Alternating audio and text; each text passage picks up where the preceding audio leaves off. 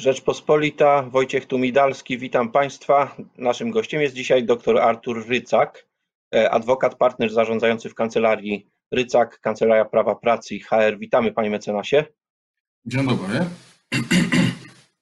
Panie mecenasie, porozmawiamy dzisiaj o sprawie, która zdaje się, że mocno obchodzi wielu przedsiębiorców, a nie tylko przedsiębiorców, ale również osoby, które są przez tych przedsiębiorców zatrudniane, mianowicie zwolnienia w czasie pandemii, e, które pewnie są szczególnie dotkliwe dla tych, e, którzy muszą się z tym tematem zmierzyć.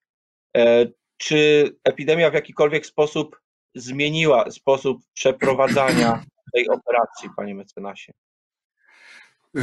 Szanowni Państwo, panie redaktorze, i tak, i nie. To znaczy, ogólne reguły, jakie rządzą rozwiązaniem umów o pracę w prawie pracy się nie zmieniły. To znaczy, jeżeli pracodawca chce rozwiązać umowę o pracę z pracownikiem, i tutaj mówimy od razu z powodu tego, co się teraz dzieje, czyli epidemii, y, to tak samo jak w każdym przypadku y, zwolnienia pracownika, musi wykazać, że przyczyna, którą on podaje w oświadczeniu o y, rozwiązaniu umowy o pracę, oczywiście mówimy o umowach na czas nieokreślony, które, mają, które powodują, że jest ochrona powszechna pracowników, powinna być konkretna i prawdziwa. Przyczyna powinna być konkretna i prawdziwa. Jeżeli prawdziwa, to oznacza, że nie może być fikcyjna. Jeżeli konkretna, to oznacza, że musi być wskazany jakaś konkretna sytuacja, na przykład y, przyczyny ekonomiczne, przyczyny gospodarcze, zmiany organizacyjne, y, redukcja zatrudnienia i tak dalej. Ale gdy mówimy o sytuacji covidowej, sytuacji e, epidemii, nie wystarczy w takim oświadczeniu podać, że ktoś, że pracodawca jest dotknięty epidemią. To samo w sobie to nie będzie jeszcze przyczyna, która będzie wystarczająca do zwolnienia pracownika, dlatego że trzeba pokazać, co za tą przyczyną jeszcze idzie, czyli jeżeli mamy epidemię, czy ta epidemia spowodowała jakiś y, spadek obrotów gospodarczych, jakąś liczbę mniejszą zleceń, no i czy, czy w szczególności mniejsze zapotrzebowanie na pracę pracowników. Zatem to, co zmieniła epidemia, to przede wszystkim to, że możemy powoływać się na sytuację związaną z epidemią, ale wskazanie jako przyczyny tylko epidemii będzie niewystarczające. Należy wskazać, jaki jest skutek tej epidemii w konkretnej branży, czy konkretnie u danego pracodawcy. Zatem reguły ogólne się nie zmieniły. Pracodawca musi nadal wręczyć pracownikowi, no, pracownikowi na piśmie oświadczenie o rozwiązaniu umowy o pracę. Natomiast y, y, no, są pewne zmiany, które zaszły, jeśli chodzi nawet o przepisy prawa. Otóż w okresie epidemii y, doręczenie pracownikowi pisma stało się pewnym problemem. Przede wszystkim wtedy, kiedy pracownik pracuje zdalnie. No, przepisy prawa nadal wymagają od pracodawcy y, na piśmie wskazania tej przyczyny, co oznacza, że mówimy o tradycyjnym y, sposobie wręczenia na kartce papieru z podpisem pracodawcy. Tutaj Często do kancelarii dochodzą pytania, no a jak to zrobić, jeżeli mamy teraz pracę zdalną, pracownika nie ma na miejscu, a chcemy jednak wręczyć mu wypowiedzenie.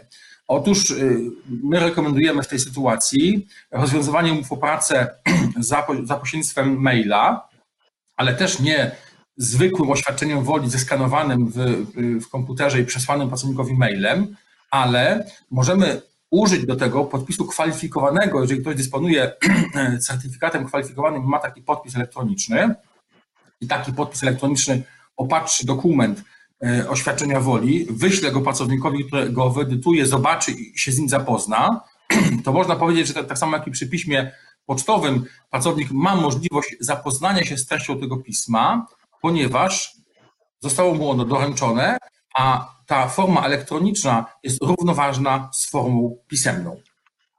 Taki szczegół, panie mecenasie, bo skoro pracodawca może dysponować podpisem elektronicznym w porządku, pracownik może nim nie dysponować. Czy, pracodawca, czy, czy pracownik nie dysponujący podpisem elektronicznym może e, tej okoliczności użyć e, na swoją korzyść, w tym sensie, że e, no, no nie pokwitował, nie podpisał się pod tym oświadczeniem woli pracodawcy, czy to jest w ogóle jakiś problem praktyczny, rzeczywisty, czy nie? E, tak, panie redaktorze, bardzo dobre pytanie. To, że pracownik nie posługuje się podpisem elektronicznym, co jest najczęstsze, w zasadzie członkowie zarządu często mają podpisy elektroniczne, prawda? No e, to znaczy jeszcze, że on nie może odebrać oświadczenia, bo gdyby on sam miał go napisać, sam się chciał zwolnić elektronicznie, to jest inny temat. Natomiast jeżeli on mhm.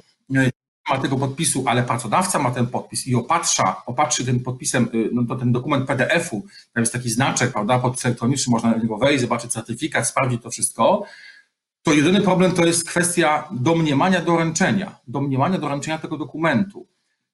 Tak naprawdę to powinno być mniej więcej w ten sposób, że pracodawca łączy się online, tak jak my teraz, na jakiejś transmisji wideo, y, prosi pracownika, my tak przynajmniej rekomendujemy, prosi pracownika o odebranie tego dokumentu z portu elektronicznej, odczytanie go, my słyszymy ten, ten, to, to nagranie, widzimy to nagranie pracownika, kiedy łączymy się z nim y, i spełnione są dwa warunki. Spełniony jest warunek podpisu na piśmie, e, no bo mamy podpis elektroniczny przez pracodawcę, i spełniony jest drugi warunek odebrania tego dokumentu, bo pracodawca łącząc się e, na wideo widzi, że pracownik e, odebrał dokument, powinien tylko poprosić o odczytanie, żeby było oczywiste, że on ten dokument, a nie inny jakiś odebrał, że zapoznał się z nim. Dowodem na, na odebranie tego dokumentu będzie identycznie jak przy wręczeniu pisma w zakładzie pracy, czyli będzie świadek, który słucha tego, tego, tej rozmowy, ale także nawet może być nagranie tej rozmowy, czy to fonii, czy wizji,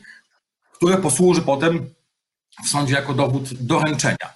Drugi problem to jest taki, kiedy pracownik nie odbiera telefonu, czy nie, ma, nie mamy z nim połączenia na żywo, wówczas no są dwa wyjścia. Po pierwsze, Pracodawcy już teraz powinni zabezpieczyć się na takie sytuacje i wprowadzić do regulaminów pracy obowiązek odbierania poczty elektronicznej.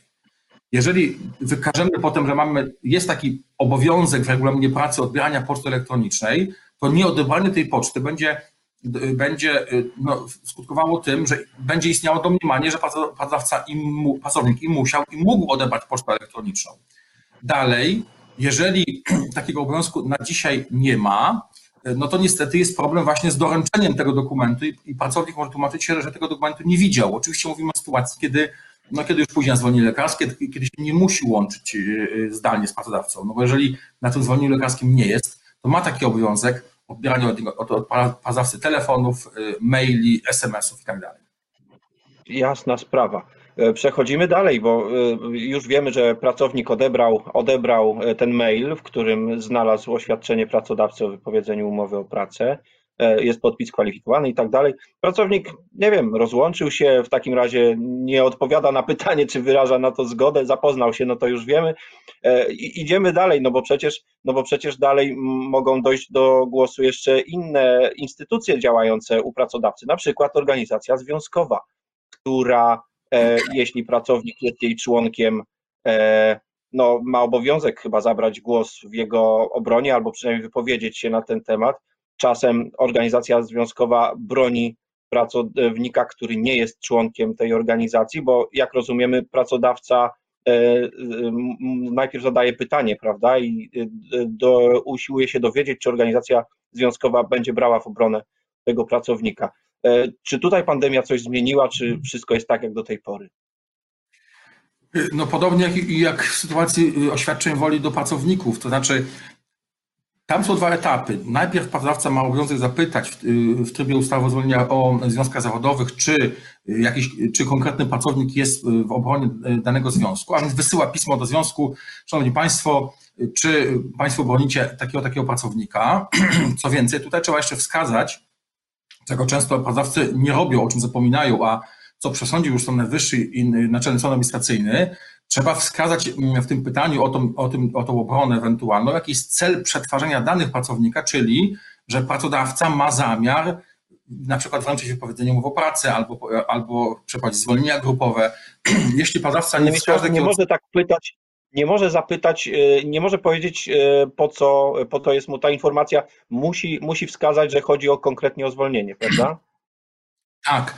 Tak, no tutaj prze, przewaliło się, właśnie brzydko wyrażę, przez sąd, sądy powszechne i przez Sąd Najwyższy wiele spraw, gdzie jeszcze lat temu 7-8 Sąd Najwyższy też tego nie do końca chciał zaakceptować i, i mówił, no ale tym się związek nie może zasłaniać. Okazało się, że orzecznictwo NSA na gruncie ustawy o ochronie danych osobowych, tej starszej ustawy o ochronie danych, teraz się nic nie zmieniło, co więcej mamy jeszcze okay. dodatkowo, unijne, wymusiło e, taki oto stan rzeczy, żeby podawać e, cel e, przetwarzania danych. Związki zawodowe nauczyły się dosyć szybko tej ustawy o ochronie danych jeszcze wcześniejszej i zaczęły odmawiać pracodawcom podawania informacji o pracownikach objętych obroną związku no, no na podstawie takich prostych zdań, a czy państwo bronicie tej a tej osoby?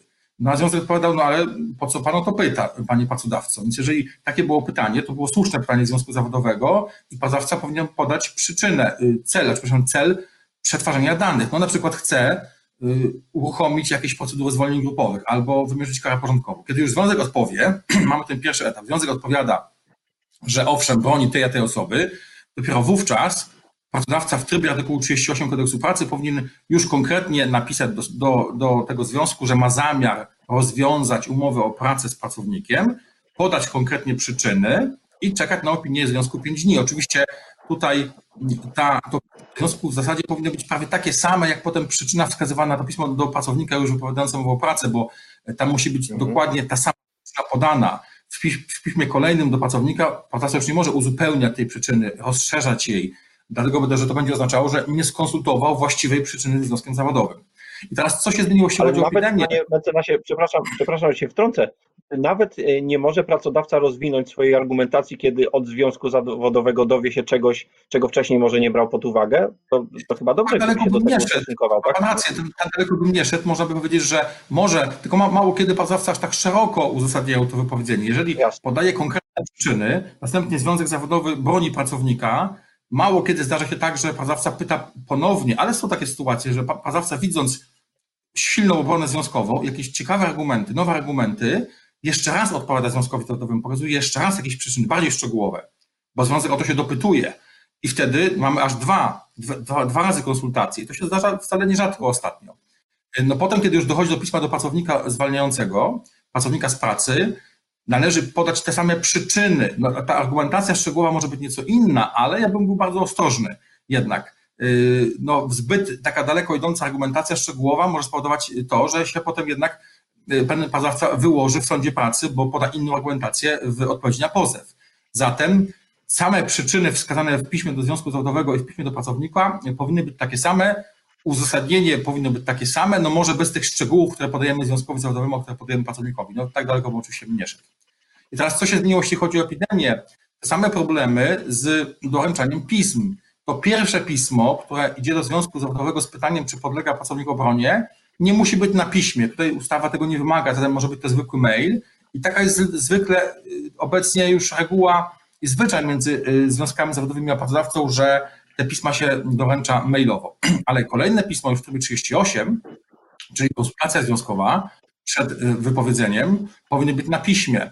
I, tutaj mamy te same reguły, albo piszemy z podpisem elektronicznym, albo wysyłamy tradycyjną pocztą do, do Związku Zawodowego. No ale związki zawodowe, jakie obserwuję praktykę w kancelarii, rzadko robią z tym problem. Najczęściej jednak y, współpracują z pracodawcą. Nawet ten tryb artykułu 38, który wymagany jest na piśmie, no właściwie akceptują to, że jest też wysłany pocztą zwykłą, nawet nie bez podpisu elektronicznego i tutaj te problemy ze związkami zawodowymi są o ile mniejsze niż w doręczaniu pism pracownikom. Zdaje się, że to jeszcze e, trochę potrwa. Miejmy tylko nadzieję, żeby pracodawcy nie byli zmuszeni do zwolnień, które trzeba będzie uzasadniać pandemią. I jak wiemy, to już samo w sobie nie wystarczy, bo przecież trzeba jeszcze wskazać, co konkretnego wynika dla danego pracodawcy z tej pandemii. E, życzmy pracownikom, żeby nie musieli się mierzyć z takim tematem e, zbyt często, chociaż zmiana sama w sobie e, potrafi być naprawdę dobra. Doktor Artur Rycak, adwokat, partner zarządzający kancelarią Rycak, Kancelaria Prawa Pracy i HR, był dzisiaj naszym gościem. Kancelaria jest zrzeszona w kancelariach RP. Bardzo dziękuję za tę rozmowę. Wojciech Tumidalski, do zobaczenia. Do widzenia.